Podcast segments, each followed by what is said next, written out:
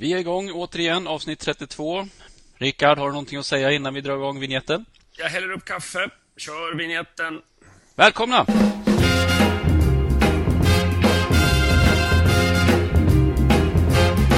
You know I don't mind working and standing on my feet. Cause I've got nine children and they sure got to eat. Don't mind working my fingers to the bone. But now listen, you got to let me go when my work is done. I wanna be free. Jaha, du, du skrämde mig i början när det fanns ett bakgrundsljud och så visade det sig att, att, det, att det New var... York City is an enviable place. Det var New tal... Ja. is an enviable place and people forget about that. This is like when Scott Fitzgerald came. Ja, det, det var du i talaren.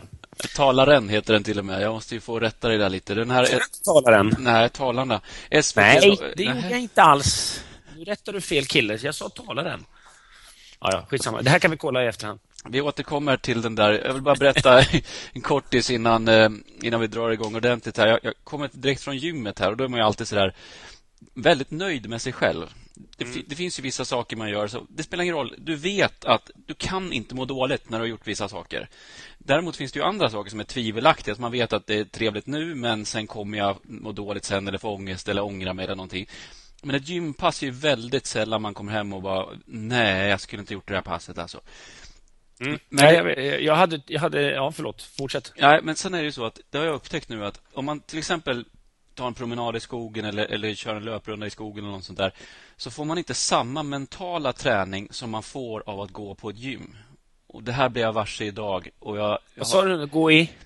eh, man, som att gå på ett gym. Om du Eller tänker, men det andra, att, gå i, i skog, skogen, eller? ja, om du tänker tränar själv i Ja. skogen kontra att gå på ett gym med andra människor. Så, så Men, det- har, du, har du börjat träna till skogen? Eller jag trodde du var liksom mest krökte rygg och...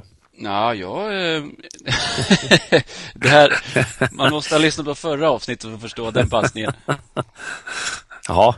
och gör det vet jag. Det är, det är vårt bästa. Ja. Då är det så här då att när man kommer till gymmet så är det en massa andra människor där och jag har upptäckt nu att den optimala mentala träningen om man vill öva upp självkontroll till exempel eller det man skulle kunna kalla för eh, sinnesnärvaro eller gå in i sig själv eller vad man nu vill kalla det för. För att det finns alla sorters eh, människor här. Allt från avarter till eh, de, de prydligaste och trevligaste du kan träffa. Så allting finns där som är liksom kondenserat i ett litet utrymme som är svettigt och mycket speglar. Så det här, nu kommer ett antal eh, karaktärer här och se om du känner igen dem. Dels har du då stönaren. Och stönaren, Hemsk. ja, stönaren är ju... Det, Man. Det, det är nästan alltid en man. Det, det, ja, det måste... Ja, faktiskt. Jag, jag tror aldrig jag faktiskt har haft en... Har du stött på någon, någon stönande kvinna på gymmet? Nej, inte på gymmet. Eh, fortsätt. Ja, så du har stönaren då. Och det är ju så här... f- Man ska inte kalla det stönare, det är frustande och det är... Ja. Och hela det här ljudet, jag tror alla som har varit på ett gym vet ju precis vem jag, vilka, vilken sorts figur jag talar om. Det töntiga med stönaren, det är att eh, det, det handlar mer om se på mig, kolla vad jag gör, eh, kolla vad jag tar i, än att det faktiskt är jobbigt. För det går att, att ha jobbigt utan att stöna. Ja, och Det går att, det går att ta ut sig själv max utan att stöna. ungefär som en tennisspelare måste inte låta varje gång de slår ett slag egentligen. Det går att slå lika hårt ändå, men det är någon form av ful vana det där att man ska stånka sig igenom övningen. Sen finns det ju, tror jag, undantag. Att det är självklart att alla någon gång tagit i så att man nästan kräks och man måste utsöndra något form av ljud. Men en del gör det här så att... Och om man ska slå ett personligt rekord på någon vänster, då Ja. kanske ett stön är... På samma sätt som det sägs ju att en svordom höjer smärttröskeln till exempel. Ja, just det. Så att eh, du kan säga vad du vill, men när du slår dig själv på tummen och säger Fan i helvetes jävla skit! Så höjer du smärttröskeln lite grann. Ja. Det, tror jag, det, kan, det kan nog ett stön göra också. Att, Det hade varit iskallt att vara stoiker i det läget. Du slår dig på tummen och så bara inte ett ljud. Mm. Det finns, eh, vi är flera stoiker än, än uh, svärare, får man ändå säga i de här sammanhangen. De flesta är, tror jag inte skriker och svär. Förr fanns det ju en teori om det där att, att uh, anger management, det vill säga att, att om man inte bara fick ut det där så, kom, så skulle det lagras inombords och så skulle man bli ännu värre. Så var det bättre att slå, skrika och hålla på. Mm. och Sen visade det sig att det, det ledde ju bara till ännu mer frustration. Ju mer man skrek på folk, ju mer skrek man, så att säga. Men, Men det, där, det där har jag... Det finns ett, när jag jobbade som hemsamarit, vilket jag gjorde under tre års tid efter gymnasiet, så var jag under ganska lång tid på ett demensboende. Mm. Och Det här är liksom en, en, en teori, en tes som finns allmänt, så här, men, men jag fick den så otroligt bekräftad att de som har gått och varit snälla hela sitt liv, mm. och hållit inombords. Så här, de blir ju veritabla kräk när de blir gamla. De kan bli roliga kräk i och för sig. Men de ber folk dra åt helvete. De säger kuk och fitta i tid och otid. Och verkligen, liksom, ungefär som att de ska hämta igen all den här ilskan som de inte har släppt lös under ett liv. Mm. Och sen har du också de... Men hur vet du att de var fina människor innan då? Du kände ja, det, lite det, det var, eh, De andra, de som var eh, vid sina sinnens fulla berättar ju om de här människorna, för de bodde också i samma, samma servicehus, men det här var ett demensboende på nedre botten. Det är otroligt. Han som var präst när han, liksom, han som var präst här i området och nu gick han bara och skrek kuk och fitta, fitta, fitta, fitta, kuk och, och bara var otrevlig liksom. Medan eh, det fanns tvärtom också. De som hade varit lugna, och, eh, eller de som hade varit jävligt elaka under sitt liv. Mm. Och du vet när, när, när, barnen pallade äpplen och som hade sått, skjuter dem i arslet med saltskott och grejer eh, med hagelgevär. De, när de var gamla eller dementa, mm. blev timida och lugna och fina. De hade fått ut eh, hela sin ilska under, sitt liv. Men du, det, kanske, om du kommer ihåg den scenen i, i dokumentären där talaren, jag vet inte om har du kommit så långt att du har sett när vi är i Matfors och så kommer en gubbe eh, i, Stig. Stig, ja. Och Stig, eh, fick jag veta nu nyligen, han har faktiskt avlidit nu. Ja. Eh, men Stig var alltså, han hade sitt hus precis vid vår fotbollsplan, vid lekparken. Och mm. om bollen åkte in på hans tomt, då var det alltså förenat med livsfara att hämta den där. Man, fick, man, körde, man, man klunsade, vet, sten, sax, påse om vem som skulle tvingas in där. Och, och, tiden stod stilla för en stund när man skulle hämta den där bollen. Och, och, då, och han var ju väldigt lugn och fin senare på äldre dagar. Då. Man är inte så kaxig med rullator? Nej, det är man ju för sig inte. Men, men det skulle kunna bekräfta din teori lite grann att, att om man har eh, fått utlopp för vissa saker så, så kanske man lugnar ner sig sen och tvärtom då. Men det här har jag eh, skrivit krönika om och, eh, och också googlat och, och kollat upp. De elaka gamla är ju smartare än de snälla. Jo, men det där har vi, tror jag... Vi har pratat om det i podden. Ja, det har vi faktiskt gjort. Och det, det är också en intressant teori. Man kan också se vissa som dricker, hur de blir när de dricker. Det kan ju vara så ibland att en del, en del blir väldigt personlighetsförändrade. Mm. Medan andra blir lite bara mer av det de redan är annars. Ja. Och Det kan ju vara vissa timida människor som då... Jag kommer ihåg en fest jag var på för många, många år sedan med en gammal klasskompis. Och han hade inte sagt mycket under de nio åren jag hade känt honom. Och Sen så var det någon fest och helt plötsligt började han kasta utemöblerna han hade ute. Det var helt galet. Jag tror det var, gick bärsärkagång verkligen. Ja, men det, det, jag, jag kommer ihåg en av våra första fester som vi hade ett litet grabbgäng där uppe i Sätra i Gävle. Skulle vi hem till en kille som heter Jonas Bengtsson. Hans föräldrar var borta eh, och, och, han var väldigt rädd om liksom, vad som kunde hända på sådana här tonårsfester. Mm. Så han var väldigt noga med att vi skulle vara ett litet gäng. Vi skulle inte vara liksom, och ni får för fan inte göra någonting utan liksom, så vi var ganska rädda och så satt vi i soffan där, sofforna bara hemma hos honom. Och så, och så drack vi någon sån här hembränt eller vad, vad det var. Liksom. Och helt plötsligt så spottade Jonas på sin egen TV. Han, bara satt, han hade förmanat oss så vi, så vi knappt vågade bli berusade. Liksom. Och sen så bara la han ut världens jävla lobba på sin, på sin egna TV. Men det måste ju varit en icebreaker utan ja, av Guds nåde. Alltså. Ja. då då fattar man att nu är det fritt fram efter ja. det.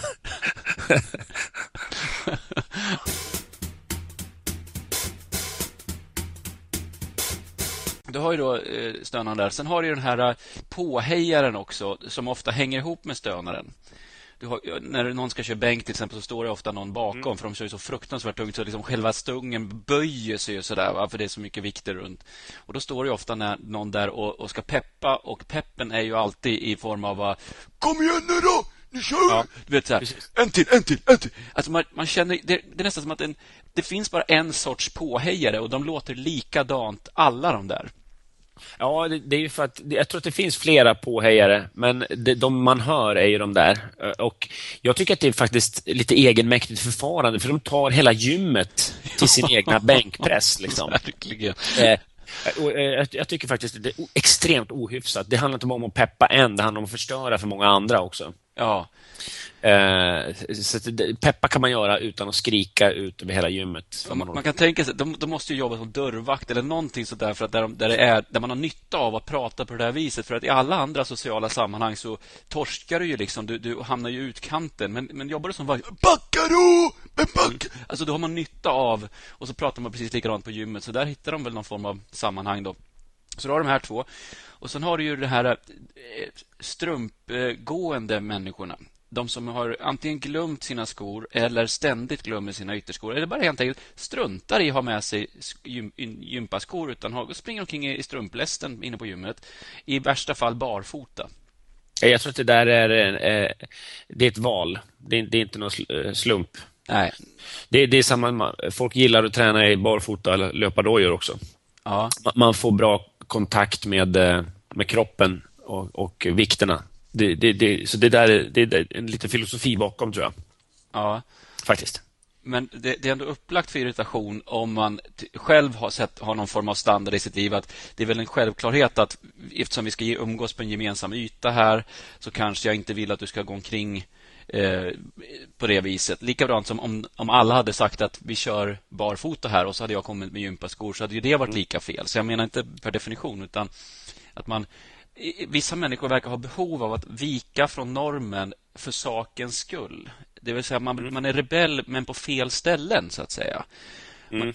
Man, man, uppträder liksom trotsigt där det inte finns någon effekt med det. Man har keps på sig fast man är på en fin restaurang bara för att. Liksom. Men det fyller ingen funktion där. Fast jag tror faktiskt att eh, barfota, eh, barfota träning är en... en eh, det är inte att vara rebell, utan det är, det är ungefär som barfotalöpning. Det är, det är inte heller att vara rebell, det är, det är att liksom försöka hitta det naturliga sättet att träna på. Kommer du ihåg hon som sprang har du barfota? Sett, har... Sola Budd, kommer du ihåg henne? Ja, Wilma Rudolph hette väl originalet, tror jag. Jaha, okej. Okay. Jag kommer ihåg Sola Budd i alla fall. Ja. Eh, men det, finns ju eh, Har du läst den här eh, Born to Run-boken? Ja, jag har inte läst den, men jag, jag såg Den är ju helt galet bra. Då blir ja. man, ju, man, man, blir bara barfotalöpare. Man, man, man, kan inte tänka på något annat vis efter den boken. Nej, men jag har förstått det. Så att, då har ju den då.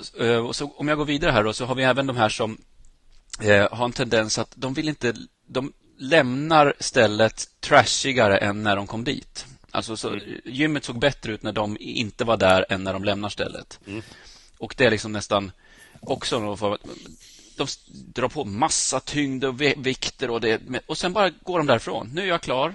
Så först, ja, men det är ju jävla amatörer. Ja, men först står man ju vänt, Först står man ju inte vet, är du färdig? För det mm. första. Och man sen, orkar knappt av vikterna. Nej, exakt. Så får man lägga 15 minuter på att ta bort de här vikterna.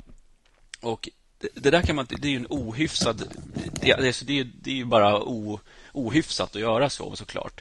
Men det är samtidigt bra träning för att det är ju så att ska jag springa omkring och mästra de här människorna? Ska jag gå omkring och, och rätta dem? Ska man gå fram till dem? Ska man vara sarkastisk? Alltså, där har jag en liten fråga till dig. Hur gör du om du ser att någon har massa vikter och så har de inte lagt tillbaka? Struntar du i det eller? Ja, man ska aldrig gå fram och mästra någon på gymmet. Det är ju livs, det är förenat med livsfara. man vet ju inte vem... Men apropå de här barfotamänniskorna. Har du någon gång sett en otränad människa köra barfota eller i strumpor? Utan det är ofta, de är ofta väldigt tränade och har, har liksom koll på läget. Ja. Faktiskt. Ja, så där har du i alla fall en övning i sig, bara det att man, okej, okay, man får se det som träning i att hålla sig lugn. Eh, alla människor har inte samma värderingar som du har och sådär. Och sen har du ju då givetvis de här som eh, upptar en, en eh, maskin väldigt länge. Mm. Om du tar gymmet jag går på, där finns det bara en bänkpress till exempel. Och då kanske man inte ska ha, kan man inte ha den i 45 minuter, den övningen. Eller den, och en del kör ju då emellan och så kommer de tillbaka och mm. kör andra och sådär. Och där har du nästa mentala träning. Men sen kommer den viktigaste av dem alla och den hände idag. Det, det, var ju så att det kördes då ett pass där inne. De har ju glasat då så att man kan se de här som kör gruppträning. Var tränar du någonstans?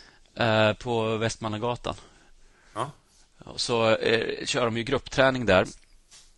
Och så är, ser man ju in vad de gör. Och mm. varje lördag så är det som någon form av salsadans. Det är en kille som har salsa då, och det är inte en man i publiken utan det är bara kvinnor och så har han där framme då, som har rytmen i blodet och det är väl understatement.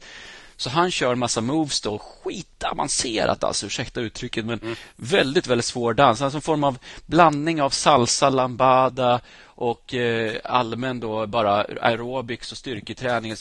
Och det, det, är skitsvårt. Och det vicka på höfterna och det är två steg fram, två steg bak och, och veva med armarna. Så att 80 procent av de som är, kör det här passet Alltså, mm. jag, hade, jag, hade det varit moraliskt eller norm, normen hade varit att man får sitta och skratta så hade man gjort det. För att det är extremt roligt alltså. ja, men det är alltid det är skoj med folk som öser. Jo, men man kan ju inte med samtidigt. Det hade varit, det hade varit fruktansvärt om man hade stått och pekat och garvat och liksom slagit sig för knäna.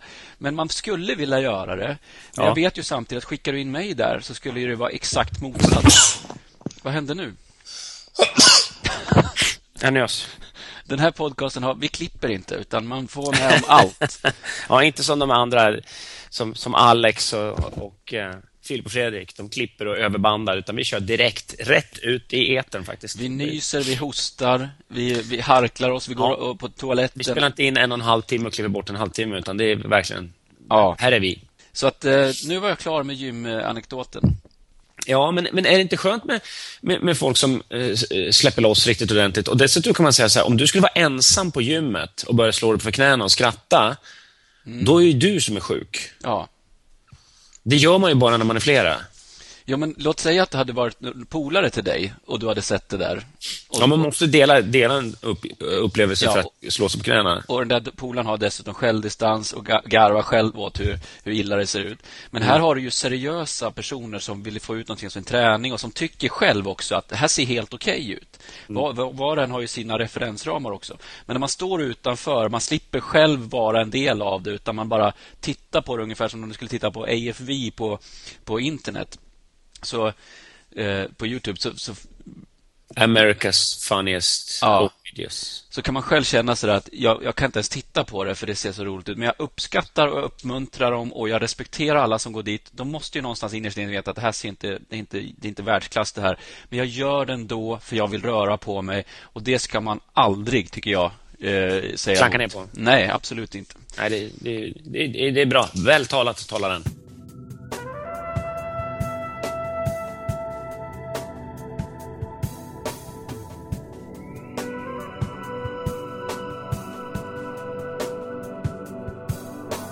Du, du hade sett den här dokumentären alltså nu, mm. slutligen. Mm. Hur, uh, var, var det någonting du tänkte på? Uh, ja. Vi ska väl säga det också, att för er som inte hängde med. Det för två veckor sedan så var det alltså en, en, dokumentär på SVT som hette Talaren. Där det är ett eh, dokumentärteam som har följt mig under ett par års tid. Den handlar dock inte bara om mig såklart, utan den är ganska mångbottnad den där faktiskt. Men det vara kul att höra vad du tänker. Du var ju med lite grann också. Eh, ja, nej, men jag, jag, jag tänker att eh, du är en enormt målmedveten man.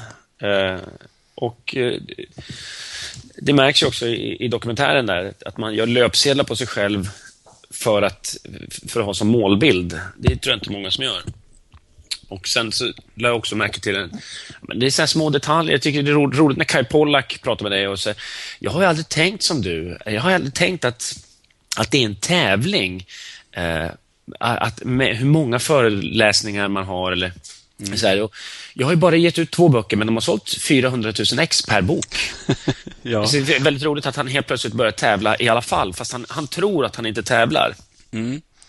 Eh, men han är väldigt mån om att, eh, att berätta hur jävla bra han är i alla fall. Ja, det är så du uppfattar det, ja. Okej. Okay. Ja, men någon som inte vill... Han, jag har intervjuat Björn Ranelid en gång. Ja. och så frågar jag så här, det är många som uppfattar dig som skrytsam. Eh, hur, vad, vad liksom, hur känner du för det? Jag kan inte förstå, Rickard, hur man, hur man uppfattar mig som skrytsam. Jag har haft, eh, jag har publikrekordet på Liseberg. Ingen människa, ingen svensk författare någonsin har föreläst för fler människor än jag. Jag har träffat alla människor. Jag har träffat två miljoner människor totalt. Jag har släppt 20 böcker. Jag har fått priser. Jag är prisbelönt. Jag säger det inte till någon. Hur kan man då kalla mig för eh, skrytsam? Ja, Björn, så. Jag kan inte förstå det. Och, och du Du tolkade är in, ödmjuk. tolkade du in lite, lite av det då i, i den in, eh, mötet med Kai där menar du? Ja, lite så faktiskt. Och den typen av gubbar är väldigt mycket så också. Det finns en likhet där mellan, mellan Björn Ranelid och Kai Pollak, tycker jag också. Ja, men vad mer Så då? det- Men erkänn att Björn Ranelids svar, är inte det fantastiskt? Jo, och din imitation måste jag säga. Jag tänkte precis säga, kan du inte försöka imi- på imitera, imitera? Men det var ju... Bär ditt barn som vore det den sista droppen vatten. Men samtidigt, där är ju lite väl tacksamt. Det är, som att, det är som att skratta åt folk som försöker dansa salsa som inte klarar av det. Jag älskar Björn Ranelid, måste jag kanske tillägga. Ja. Han är fantastisk. Eh, Han är eh, på riktigt eh, väldigt rolig att hänga med och, umgås med. Och, men, och, han, han har ju den här eh, självbilden som, som är... Och, och, apropå, liksom, apropå det du håller på med också, så där, det blir alltid som man tänkt sig. Och, eh, och, och du är bra. Det, det, det var ju som ett mantra genom hela den här dokumentären också. Du är bra, du är född bra, du är liksom så. Han eh, upplever jag som att han är verkligen, han, han, han vaknar och tänker så. Du är bra. Du kanske är bäst av alla överhuvudtaget. Och det är lite avundsvärt att, att vakna så faktiskt. Bara kort passus på det. I, idag så kunde jag ha varit på en, en fest faktiskt som är i Göteborg med han som att... Jag kommer ihåg när Dorsin gjorde Melodifestivalen så härmade jag, var han ju den här... Eh, vad hette han den här killen som... Ah, han spelade ju en, en rollfigur som, som spelade i dansband och sådär ju. Ja. Nej, jag kommer inte ihåg. Nej, men då sa han ju ofta så här, jag är fan bäst. Jag är fan bäst. och, och eh, Pilman hette han ju då, Pilman, den här figuren. Och den personen är ju, finns ju på riktigt så att säga, som han har gjort en, en parodi på. Och han kunde jag ha träffat ikväll faktiskt i Göteborg. Jag orkade inte åka ner ordentligt, men ändå. Jag är fan bäst. Ja. Det, det, de har Det är tagit lite det lite långt. avundsvärt att vakna så här imorgon. Verkligen. Ja, men, Nackdelen eh, är att man får en, en, en, en skev självbild och, och folk pratar om en och skrattar bakom ens rygg. Men det kanske man skiter i om man har den liksom. Så, så du säger att jag skulle kunna vara den här salsa-dansande figuren som andra står och pekar på egentligen utanför glasen. eh, Men jag ser inte det här för det är frostat glas. Det du säger nu, det kallas självinsikt, Olof. Och det är väldigt eh, bra. Klädsamt. vad, vad mer då? Berätta. Vad, vadå med, vad med? Ja, men från dokumentären. Det är roligt att höra. Du som är van med, med tv och allt. Men det, det, det, det är en väldigt välklippt dokumentär. Eh, jag kan sakna eh, innehållet i det du säger. Mm. Du framstår som en eh, en, en, en, en ståuppkomiker med som så här livs... Ja, inte floskler, men du vet så här livsmeningar som, som, som man ska bära med sig.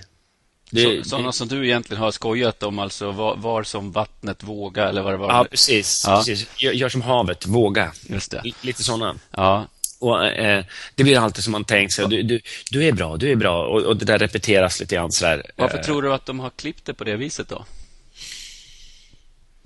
Jag vet inte. Jag tror att de, de kanske inte... Dels är det svårt att, att ta med den typen av innehåll. Och dels så tror jag inte de är... Eh, det är inte det dokumentären... Man har, man har valt bort det, så att säga, framför, framför att visa liksom så, här, eh, så, här lever, så, här, så här lever talarna som reser land och rike runt och så här lever Anita som tar emot eh, talarens budskap. Så att det, det, handlar mer om eh, formen, tror jag. Ja. I, formen i ditt liv och formen i hennes liv och eh, eh du är eh, på något vis eh, budbäraren av, av, av ett budskap som du förmedlar ut i, i salonger på teatrar runt om i, i landet. Och det är det man vill visa, inte, inte exakt vad du säger. Så att säga. Nej. Ja, precis. Det är ju alltid så där, när, när, någon gör en dokumentär så kan man inte vara med och, och, och, påverka innehållet särskilt mycket. Utan det som sker, det sker och man har godkänt det här och kameran har följer och man har bestämt sagt att jag vill att det här ska vara uppriktigt. Det, det som sker, det får ske på gott och ont. Och sen hur de väljer då sen att, att klippa det och så där, det får man ju bara Eh, ha lite det är en väldigt välgjord dokumentär. Det kan du vara glad för att det är. Ja, jag är stolt över att den är... Det, det, kan man inte vara annat än stolt, tycker jag, när man får den äran. När din regissör säger att du är i grunden talanglös, mm. blir du inte ledsen då? När det är bland det första som sägs i hela dokumentären så är det mm. klart att man... Woo! Så, eh, men samtidigt så tycker jag ju att han i nästa andetag förklarar lite grann vad det är han eh, egentligen säger med det. Och en av mina poänger i hela min yrkeskarriär har ju varit att någonstans visa med eget exempel att här har en, en relativt normal person med, med stark, stark målinriktning som eh, visar med eget exempel att det går. Och då mm. blir ju faktiskt, ju mer talanglös eller ju mer normal man är, ju lättare blir det att identifiera sig med det man gör. Så att på, det sättet har han ju rätt. Sen, sen tar han... Pontus... Han säger, han säger så här, för de som inte har sett ja. det, att i princip sen att du är talanglös, eh, men du har lärt dig hur man är när man har talang genom att jobba jävligt hårt. Ja. Det är väl så han svarar, kan man säga. Och jag skulle egentligen, för mig, i min värld, är, är det ett starkare beröm om någon skulle säga så här, du, du har ju lärt dig det här genom hårt arbete kontra att någon säger, du är naturbegåvning, slö som fasen, men du fick det här med dig från början. Då, då ser jag det som en, en större så att säga, uppskattning av det man har gjort, att, mm. säga, att säga att du har jobbat hårt. Mm. Ja, visst. Men sen hade vi ju, det var ju en del scener där du är med också då. Mm. Det var rätt intressant att de valde att ta med så mycket av när vi står och vevar vid, vid kameran där, eller hur? Ja, fast jag, jag, var rädd att det skulle vara mycket mer. Det, det är ju... Eh, det är väldigt fånigt när man blir fotograferad. Eh, framförallt, det, men det, är ju, det, är en, det är en jävla fånig få, fånig scen när man blir fotograferad och står vid någon eh, sån här fond i, i, vitt eller grönt och så står någon fotograf och, och, och med liksom lite checka Ligg med kameran, knulla kameran, kom igen, kom igen, se naturlig ut. Och, så försöker man att ligga med den där kameran eh, så som man tror att det ska se ut. Och, så, och, och Peter då, som fotograferar i det här läget, han, han säger så, jogga lite grann. Och, vet, jag, jag, ser ju på mig själv där, så fan vad det här är fånigt alltså.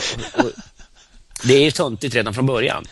Och att dessutom då filma det här töntiga, det gör, eller fåniga ska jag säga, töntig, jag gillar inte det ordet, men fåniga. Att filma det och sen visa upp det, då, då, då liksom det, det, blir dubbelt fånigt på något vis. Där har du ju återigen salsa-dansandet ju, fast vi bjöd, bjöd på oss själva. Ehm, men varför tar man med en sån sekvens? Det tycker jag ändå är rätt intressant, för det kändes ju inte sådär... Eh, var det relevant? Eller, eller vi, vad, vill de, vad vill man visa där, tro? För, för, för vi säger ju egentligen inte så mycket, va? Jag för mig vi bara... Nej, och det berättas inte i dokumentären heller vad det är till för. Det var till för våran podcast och lite så här bild. Ja, nej, jag vet inte. Det, man visar väl upp den här... Det finns ju en extremt fånig sida i, i i, i, i mitt yrke till exempel med, med, fotograferingar och man man är med på... Det är samma sak som den här, det här jobbiga gigget som du har, eh, mm. eh, som, det keckiga gigget som Pontus, din regissör, säger. Mm. Eh, det finns ju många sådana också, många sådana jobb. Och det visar man också upp. Det, det, eh, när, när, du inte når fram till publiken riktigt. Liksom. När de bara sitter och skruvar på sig. Tycker, det är närbilder på några fingrar också som tycker bara, fan vad jobbigt det här är. Liksom. Och det här, förstå, det här anar du att, att de skulle ta med något sånt? Antar jag. Vadå? Nej, men, nej. Ja, men, Nej, men alltså det är väl, det är väl jo, men om du har filmat så är det, tror jag det, ur en dokumentär synvinkel så är det ett, en intressant scen som man gärna vill ha med, tror jag. Ja, men det är klart. Och, och generellt sett så är det ju så att är, misslyckanden är mer intressanta än framgångar. Eh, faktiskt. Det, det, även för en själv. Det, utifrån ett medialt perspektiv så är, så är misslyckanden mer intressanta än framgångar. Eh, men, men också även från ditt perspektiv, att, att misslyckas och dra lärdom av det eh, eh, ger ju, föder ju kanske en framgång om du har dragit rätt lärdomar. Men, men i framgång så lär du dig sällan någonting, utan då bara surfar du på en våg.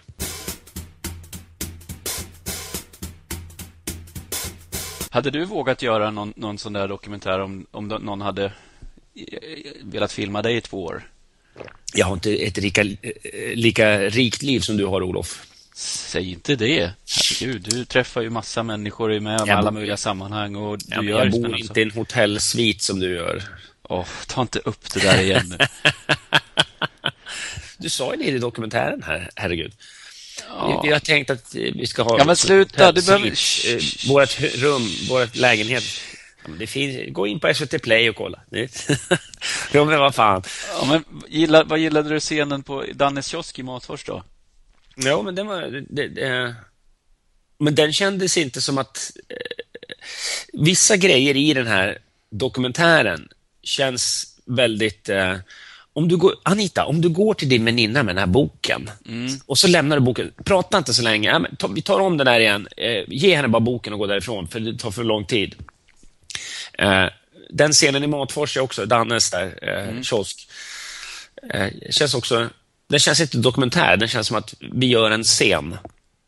Ja. Eh, ställ upp er här och så bara, tystnaden är viktigare än, än eh, det ni säger. Ja, men...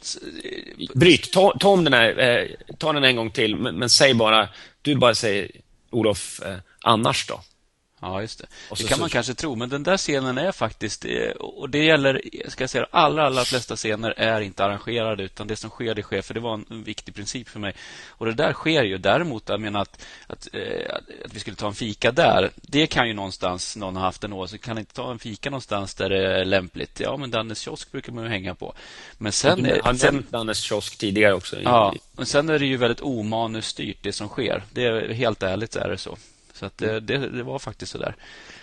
Men sen är det ju alltid så, eh, tror jag, när man är när, man ska, när vi skulle titta på den här dokumentären, jag kan berätta det lite kort bara.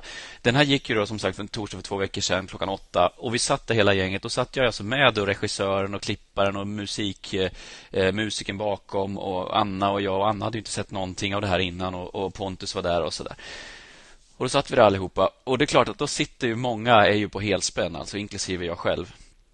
För man vet, nu sitter ju alltså en massa människor och ser exakt det här och de, kommer få, de allra flesta kommer få en bild av en. Och som, precis som du säger, några får en bild av en att åh gud vad han är sån, eller gud vad han är sån. Du känner ju mig på ett annat plan, Rickard. Så att, mm. Visst, men eh, det är väldigt... Eh, det var ett fascinerande ögonblick. Och På något vis så var det som ett litet fönster in i, i ditt liv ibland. För att det är de flesta som känner dig känner ju dig genom tv egentligen. De har inte suttit och käkat med dig någonstans eller haft, haft några riktiga samtal med dig utan de har ju mm. ja, de har sett dig på tv, bildat sig en uppfattning. Han är sån, han är si och så där. Och en del när de har lyssnat på den här podcasten har ju fått en annan bild av dig såklart. Men så blir det ju. Mm. Och det där kan man ibland, tycker jag, bli nu fick jag uppleva en liten glimt av det som du sannolikt har pratat om i ganska många avsnitt. Det här Eh, när någon då utifrån det här, precis som du säger, du uppfattar det som på ett visst sätt. Och så vet man ju själv att riktigt så enkelspårig eller så... Endimensionell. Nej, kanske man inte är. Förhoppningsvis inte i alla fall. Och, och då kan det bli ganska påfrestande ibland med, när, när, folk har bestämt sig redan innan. Är, är det rätt analys av hur du upplever det ibland? Ja, ja men det är, det är klart att det är så. Det är ingenting jag går och lider av, men det, så, så, är det ju. Alltså, det, så gör ju du också, så gör ju jag också. Man, man eh, eh, bedömer folk efter det man ser i rutan. Ja. Och så tar man inte hänsyn till vilken typ av program är det, vad har, vad har du för höjd, vad har du för bredd i det här programmet, vad kan du göra, vad får du göra? Så, och så tycker man, jävla idiot. Ja. Helt enkelt. Och så träffar man dem och så är det tvärtom. Ja, och det, det är väl ganska roligt om man kan få eh, överraska någon positivt då. Men det är ju självklart också så, det har man ju varit med om när folk kanske har haft en väldigt, eh, satt upp en på piedestal. Det händer faktiskt i mitt yrke då och då att någon har oerhört eh, höga tankar om en. Och så eh, kanske man ses någonstans eller det helt plötsligt då så skriver man eller säger någonting som inte stämmer överens med den där idealbilden som i princip ingen människa kan leva upp till. Och då bara skjuts man ner så fruktansvärt. Alltså det finns inget överseende med att okej, okay, vi kanske inte tycker exakt lika allt eller han kanske hade en dålig dag där eller just det där håller jag inte med om. Utan det finns inget utrymme för, för eh, grås, eller inte gråzon, men, men, men att man inte behöver ja, men det, är en, det är en känsla av att det, det, det är någon slags sån här eh, nästan eh, man trycker på, på knappar hos folk som är ungefär du har varit otrogen. Ja. Du, du har inte varit mig trogen. Du, du, du svek mig i den här frågan och då ska du fan få... Fan.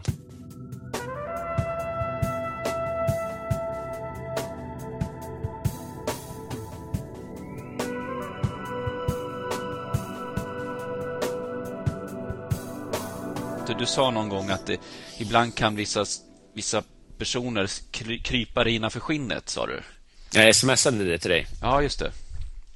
Eh, det, jag kommer inte ihåg vad det var, men det var någonting med, talaren där, tror jag. Du hade fått lite eh, skit. Ja, men det, och, och, och det är ju helt okej, okay, tycker jag. Man... Det, det, finns en sån här en, en brytpunkt, tycker jag, i, i, i någon slags offentlighet där man man kan sträva mot och tycka att det är kul för man får bekräftelse i det hela och tycka att det är fan shit, dit vill jag, jag vill också komma dit. Men det finns en brytpunkt där där du börjar få skit. Och, och den skiten är, är, väldigt eh, tuff och hård, tycker jag. Mm. Eh, och i, i, början behöver man inte bry sig om den, men, men de få ändå som kastar den här skiten, över tid är det väldigt, för det tar energi att mota bort dem. Det tar energi att hålla sig ifrån. Det, det, tar energi att hitta argument för att de har fel och att de är dum i huvudet. Mm. Eh, och över tid så vinner de terräng och över tid så kryper de sakta in innanför huden också. Faktiskt. Mm. Så det, det, det, gör att eh, det, det, det är mångbottnat det där faktiskt. Men jag menar, vad fan, det är, det är inte ett gigantiskt problem så som jag kanske målar upp det nu, men, men, men eh, de spelar roll, tyvärr. Ja. Belackarna. Och det, det du menar är då att de spelar för stor roll ibland då? Eller? I, I förhållande till hur många de är. Jag menar, om du får om du får hundra brev där, där, där, de, där, där folk skriver och tycker fantastiskt och jättekul och så. Så får du ett brev som är hundra brev fast raka motsatsen. Hundra beundrarbrev fast, fast raka motsatsen. Vilket är det du kommer ihåg? Det är inte de här eh, 99 eller 100 eh, breven som, som tycker att du är bra, utan det är det här, det, det svider till mycket hårdare. Det får o, liksom, oproportionerligt mycket stort utrymme i kroppen. Ja. Jo, men sen kan man tycka också att det kan tillföra någonting eh, också. För att ibland är det ju så att en kritiker kan ju sätta fingret på någonting som en, en, man själv kanske har, det har kommit smygande in i ens personlighet, om du förstår vad jag menar. Man har inte mm. riktigt reflekterat över det här har skett så, så smygande. Och när någon sätter fingret på det, tidigare var du sån, nu är du sån, då kan ju det vara bra att höra såklart. Men eh, det var lite kul för att precis efter det här dokumentären var klar, vi sitter där allihopa och vi ska fira och jag kände efteråt att, och både Anna också, att ja, men det här är ju Självklart hade man... Det är ju ingen, det är ingen hyllningsfilm. Då hade man ju haft andra ambitioner såklart. Utan det här skulle vara en dokumentär och jag är väldigt stolt. Jag var nöjd efter och jag kände mig yes, nu firar vi. Då, då, då öppnade jag mejlen och det kom ju massa sms efteråt också. Folk var så himla... Så här, det var jättekul verkligen. Så kommer ett mejl och då säger en kille så här, då står, någon som jag aldrig träffat, jag har just sett talaren det var det, nej, bland det sämsta jag har sett. och du vet, så det gick alltså... Det Då kan var- man ändå tänka att han har sett mycket. Ja, men det roliga är ju också, det roliga är också att, att tajmingen i, i mejlet är ju så jävla skön. Han har alltså då, den här killen, letat upp mig snabbt som tusan. Måste ha googlat fram det här. Jag vet inte hur fan han lyckades lösa. Och sen skickar mejl som bara smattrar på tangenterna. Han tänkte, här måste killen få veta nu. liksom. Vad skrev han mer då? Jo, och sen så drar han ju vidare då. Det var ja, falsk och det var han blåste ju på. Han hade mycket superlativ där fast åt motsatt håll. Och bland annat sa han så här. Jag tror aldrig jag har sett någon. Nej, jag inte tror. Jag har aldrig sett någon med så, så dålig utstrålning som du har. Eh, och det är ju en sån där grej. Om, om, att någon blir kallad färg, färglös eller ingen utstrålning, det är ju ingen bra beröm. Alltså. Det är man kan ju ta att någon säger så här, men eh, du är så målmedveten så du blir envis. Det måste bli... Det kan man ta, så här, man kan rycka på axlarna och säga, ja, man är som man är. Liksom. Men färglös och utan utstrålning, då känner man ju någonstans att... Den, det, kan också säga, det, det är så roligt, för att någonstans måste du ha haft en utstrålning eftersom du gjorde så att han var tvungen att gå till tangentbordet och googla upp och fan, du måste ju ha påverkat. Han kan, ju inte, han kan inte ha fått den energin. Om det var färglös skulle han inte ha gjort, då skulle han bara bytt kanal. men, men ska du inte se framför dig hur han skriver det här mejlet också? Det är säkert via med Jo. pekfingervalsen också och med, med ett jävla tryck på tangenterna. Och Han sitter säkert och muttrar under tiden också. Men sen avslutar han ju med att säga så här. "Eh, Du, ja, du har ju jag har aldrig sett någon med så dålig utstrålning som du har. Och det är klart att kan du lyckas, då kan fan vem som helst lyckas. Och det är alltid något att hänga upp sig på. Hej svejs. Han avslutar med hej svejs också. Så, Ja, det är roligt ju. Ja, men då, då har han ju lärt sig någonting i alla fall. men jag kan ändå- tycka att dels så förstod han ju halva poängen då. Ja, då är det ju precis så. Och sen tycker jag det fanns en komisk timing i det. Att du vet, man bara smattrade in. Man kände man var on top of the world för en stund där. Riktigt på G.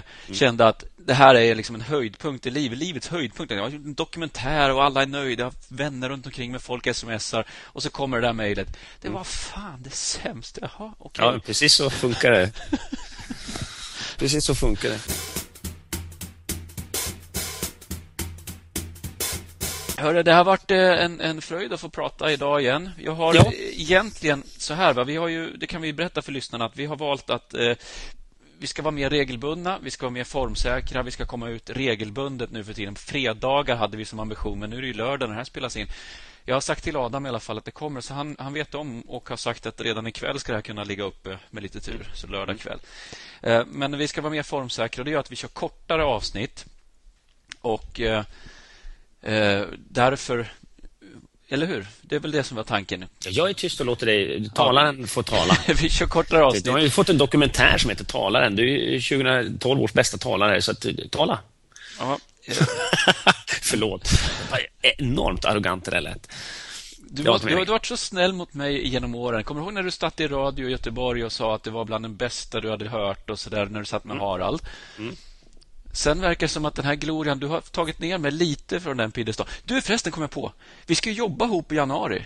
Ja, har, vi, har det blivit av? Ja. Ica, va? Jajamän, det blir Ica bra. i, i, i eh, Göteborg. Precis. Trevligt. Ja. Men eh, innan vi rundar av då, Mm.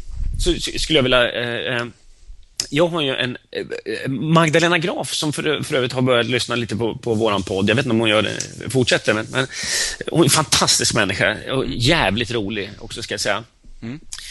Eh, hon, hon berättade en sån fantastisk historia, rolig historia. Som Jag tror hon bor här borta där vi bor faktiskt. Hon bor nästan granne. Ja. Ja. Vid 7-Eleven-butiken vid dig bor hon. Ja, just det.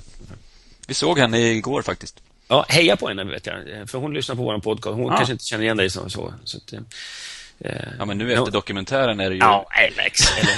Eller, de affischerna på stan. Nej, men hon berättade, det, det finns en eh, fotograf som heter Casimir som, som brukar vara ute på eh, mycket uppdrag som jag har jobbat med också.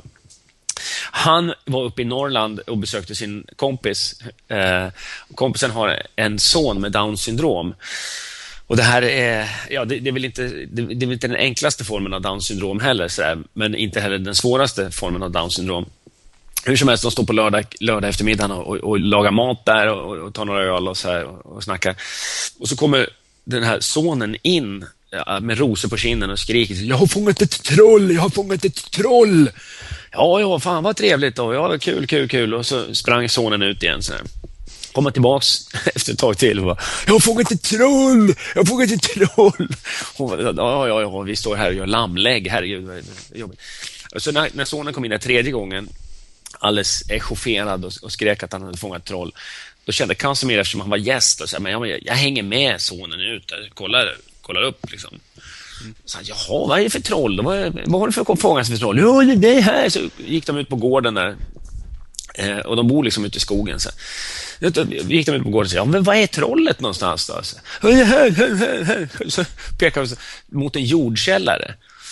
Ja, ja. Så Casimir gick fram där, så, så öppnar de den här jordkällan.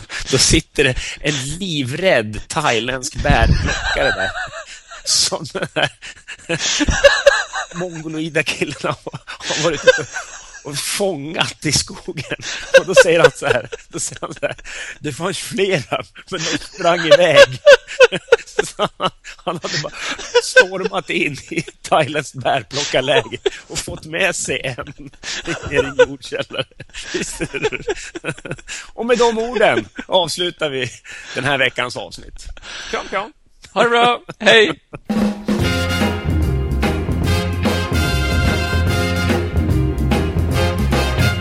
I don't mind working and standing on my feet. Cause I've got nine children and they sure got to eat. And I don't mind working my fingers to the bone. But now listen, you got to let me go when my work is done. I wanna be free. Troll heter det här avsnittet. Ha det bra. Vi hörs då. Ja, kram, kram. Ja, hej. Hej.